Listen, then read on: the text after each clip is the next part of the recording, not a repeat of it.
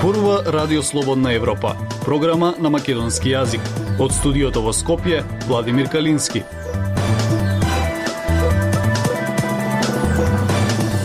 Почитувани ја следите емисијата на Радио Слободна Европа. Работиме на што побрза евроинтеграција на Северна Македонија, порача специјалниот американски представник за Западен Балкан Габриел Ескобар при неговата посета во Скопје. Формирањето на македонските влади представува пазар за фотели наместо борба за идеи, коментираат аналитичари по коалициониот договор меѓу СДСМ и Алтернатива.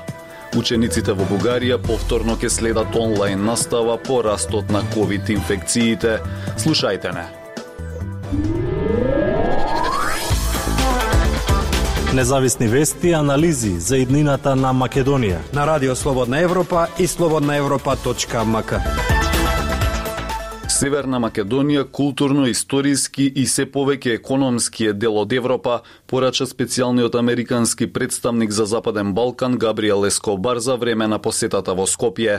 Тој наведе дека со европските партнери работат да обезбедат побрза евроинтеграција на земјава. Министерот за надворешни работи Бујар Османи изјави дека нема да ги намали очекувањата во декември да има одлука за почеток на преговорите. Известува Марија Тумановска. Со порака за силна поддршка на американската администрација за брза евроинтеграција на Северна Македонија, заменик помошникот на државниот секретар на САД за европски и евроазиски прашања и специјален представник за Западен Балкан Габриел Ескобар си замина од Скопје. Посредбата со министерот за надворешни работи Бујар Османи тој се заблагодари за континуираната поддршка и посветеност на Северна Македонија во НАТО и истакна дека заедно со европските партнери работат за да обезбедат побрза интеграција на земјата во ЕУ. So I wanted to express our thanks to North Сакам да ја изразам нашата благодарност до Северна Македонија за нивната континуирана поддршка и посветеност кон НАТО и исто така сакам да ја изразам силната поддршка на нашата администрација за брза евроинтеграција на Северна Македонија. Ние работиме со нашите европски партнери да обезбедиме тоа да се случи многу брзо. Мислам дека сите може да се согласиме дека Северна Македонија културно, историски и се повеќе економски е дел од Европа и вие треба да имате свое место на масата. Во тој поглед ние ќе продолжиме продолжиме да ги подржуваме вашите напори да покажете флексибилност во процесот на интеграција и во спроведувањето на натамошните реформи тоа да стане реалност. Изјави Ескобар на заедничката пресконференција со министерот за надворешни работи Бујар Османи. Министерот Османи пак се заблагодари за поддршката на Соединетите држави, која како што рече е стратешка и недвосмислена. Соединетите американски држави одиграа клучна улога во постигнување на долгорочна стабилност демократизација и просперитет на Северна Македонија, но и целиот регион. САД биле со нас и не подржувале и во добро и во лошо. Во моменти на големи искушенија и кризи ни помогнале да останеме на вистинскиот пат, посветени на нашите заеднички евроатлански вредности. Тоа не беше секојаш лесно, ама секојаш беше необходно да се продолжи напред и покрај различните предизвици и проблеми. На новинарско прашање дали Ескобар ќе оди и во Софија и дали се очекува притисок и врз бугарска страна, Османи не сакаше да коментира во негово име, но истакна дека на средбата со Ескобар забележал сериозна посветеност на Соединетите држави за Северна Македонија и Албанија да ги почнат преговорите. Османи вели дека разговорите со Бугарија се интензивни и дека продолжуваат. Не се уште ни е таргет декември. Знам дека дека има разговори во јавноста по однос на тоа дали треба очекувањето на граѓаните да се зголемат без да бидеме сигурни дека тоа може да се случи, но јас не планирам да ја спуштам тензијата или интензитетот на необходноста за започнување на преговори што побрзо. 14 декември е формалниот состанок на Советот за општи работи на министрите на Унијат, но тоа не значи дека тоа е единствената шанса за декември, потенцираше Османи. Додаде дека словенечкиот министер за надворешни работи го уверил дека и после 14 во било кој ден до крајот на годината словенечкото председателство може да свика вонреден состанок на министри за Европа, доколку дојде до информации од Бугарија дека се подготвени да ја поддржат преговарачката рамка и одлуката за почеток на преговори. Дајте ни 15 минути и ние ќе ви го дадеме светот. Слободна Европа.мк Владините коалиции се само политички пазар. Македонија е заробена држава со длабоко партизиран клиентелистички систем, коментираат аналитичари по коалициониот договор меѓу СДСМ и алтернатива за влез на досега опозицијската партија во владата. Тие велат дека во земјава има менталитет на политички феудализам. Фросина Димеска Министри за здравство, за информатичко обштество и администрација и без ресор задолжен за диаспора заменици министри во образование, култура и најверојатно во земјоделство. Ова е сумираната вест за владините позиции што ги договорија алтернатива и СДСМ за влегување на досега опозицијската партија во владата. Веста е дополнета и со добивање на директорски позиции во десетици сектори. Но она што останува нејасно е зошто токму тие сектори, кои се измените што ги планира партијата во нивното раководење, зошто ги бара, кои различни политики ги ги спроведе. Според политичкиот аналитичар Јордан Шишовски, и од овие преговори се покажа тоа што како што вели го констатираат и меѓународни организации, дека се уште Македонија е заробена држава со длабоко партизиран клиентелистички систем кој е метастазиран во сите пори на власта. Тој е што а, постои веќе 30 години во оваа држава да само дојде на власт во 2017 токму наветувањата дека ќе осмени овој систем, а меѓутоа овие преговори покажуваат дека системот е недопрен, дека се уште имаме заробена држава, дека се уште Македонија не е република, туку еден вид на акционерско друштво во кое партиите се акционери вели Шишовски. И додека се уште не се знае кои се приоритетите на алтернатива во новите министерства, какви измени би донели и зошто партијата ги добила токму тие, главните гласини се поврзани за кадровските решенија, односно кои би биле новите министри. Сефер Селими, политички аналитичар од Демокраси Лаб, вели дека одамна е тука присутно мислењето дека преговорите за владени коалиции се само политички пазар, од кои владиниот колоч зависи само од бројката на пратеници, со што се зголемува и нивната важност во стабилноста на владата. Кај нас не се бара а, за човек за одредена позиција или професионалец за одредена позиција, туку се бара позиција за одредени членови на политичката партија. Значи, тука имаме менталитет на а, политички феудализам, јас би го нарекол, каде што се задоволуваат интересите на, поли... на поединци во политичката партија, отколку што се тука се зборува за квалитетни решенија за е, различни позиции во управата на државата. Програмата на алтернатива пак ја нема на нивната интернет страница, но се наоѓа на страницата на Алијанса за албанците, бидејќи поради заедничкиот настап на ланските парламентарни избори и програмата им е заедничка. Во неа во делот здравство и справување со пандемијата, сектор кој сега го добиваат, се навидува дека ќе воведат масовно серолошко тестирање, дека покрај градската болница 8 септември во Скопје за лекување на COVID-19 ќе се положат и други клинички болници низ државата, дека итно ќе реновираат инфективни оделенија.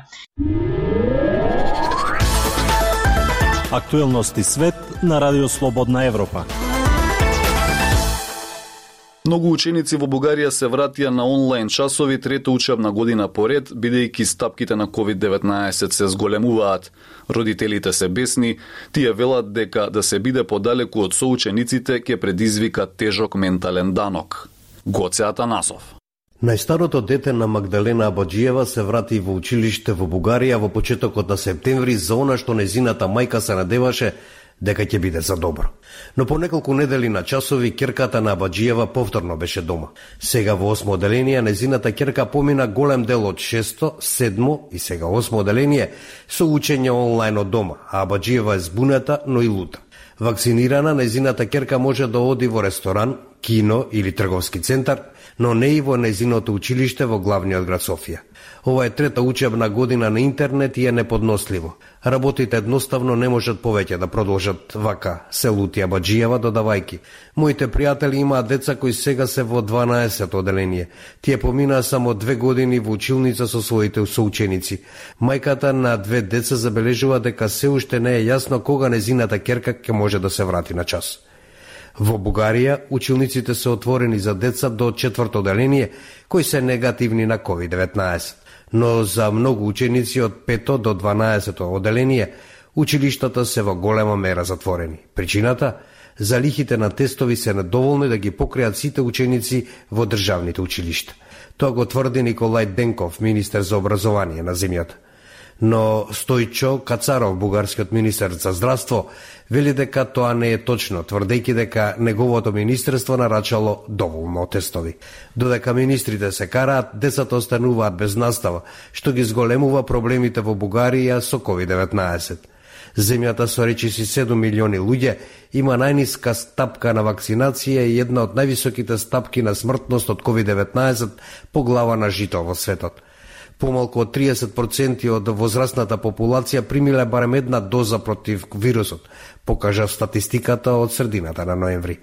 Во септември Бугарија забележа рекорден број дневни смртни случаи од коронавирус. Останува општиот консензус дека одлуката за затворање на училиштата за контрола на пандемијата треба да се користи како последно средство негативните физички, ментални и образовни влијанија од затворањето на училиштата врз децата, како и економското влијание врз обштеството пошироко, веројатно ќе ги надмине придобивките, оценува Европскиот центар за превенција и контрола на болести. Култура и уметност на Радио Слободна Европа. По двегодишната изнудена интернационална пауза и безмалку по цела една декада од последниот настап во Македонија, Дарко Багески, мајстор на класична гитара и професор на Музичката академија, се врати на сцената со серија од четири соло концерти во Охрид, Струмица, Пловдив и во камерната сала на Филхармонија. Лјупчо Јолевски. Секој уметник и инструменталист има потреба да биде на сцена. Таа е неговиот дом. Пандемијата не ги скрати крилјата на сите. Две години пауза од концертирање беше нешто незамисливо предход. Поради тоа неизмерна беше возбудата и одговорноста дека се враќам на сцена и тоа после 10 години пауза пред македонската публика годините пред ковид имав многу интернационални гостувања, како на фестивалите низ Балканот и Европа, така и во Соединетите Американски држави и Кина. Последниот солистички концерт во Македонија го одржав на Охридско лето 2013 година во Света Софија. Концертите во Струмица, Охрид и Скопје беа поддржани од Министерството за култура и тие се заслужни за многу мои гостувања надвор од земјата сите овие години приготвил концертот во камерната сала на Македонската филхармонија, каде се почувствува светски, а настапува в дома. Акустиката, сцената и флуидот што го почувствував помеѓу мене и публиката е преубаво искуство. Се надевам во иднина дека ќе имам прилика почесто да ја чувствувам домашната публика, пред неа е предизвикувачки да се свири и воедно мотивацијата и експресијата во музичката мисла е на многу високо креативно ниво. Подготовките за било кој концерт кога сте веќе зрел музичар солист е од олимписка природа под наводници. Правилна исхрана, здрав сон и физичка активност. За мене се основа да можете да почнете да работите на својот ум, концентрација, фокус и контрола. Техничкото и умственото вежбање на програмата е еден универзум што секој инструменталист треба да го открива. Сето тоа допринесува да можете да го покажете своето срце и душа на сцена. Трпението, дисциплината и упорноста се карактерни особини кои ги имаме или ги градиме и без кои ниеден солист не може да се бави со оваа професија. Доколку како уметници разбереме дека се натпреваруваме само со себе, целиот живот, тогаш ќе успееме да ги исполниме собствените капацитети. Што повеќе знаете, тоа повеќе сваќате дека океанот е се поголем и дека сознанието дека нешто сте совладале е далеку, бидејќи во оваа професија психофизичката подготвеност и капацитет се најважни тајните кои ги соосознаваме, прво ги применуваме кај себе, па потоа веќе во ново руво ги пренесуваме на тие што дораснале да ги слушнат и кои се спремни да вложат во себе и кои сакаат да го реализираат својот цел потенцијал. Тоа е како да сакате да се качите на еден врв и да кажете дека сте успеале. Секојаш се јавува нова цел и предизвик кои ве водат во нови сознанија, нов период на работа на себе и ново искуство. Техничката подготвеност и виртуозитет се нешто што се гради со години и многу труд. Почитувани слушатели, тоа е се што ви подготвивме во оваа емисија. Од студиото во Скопје ве поздравуваат Владимир Калински и Дејан Балаловски.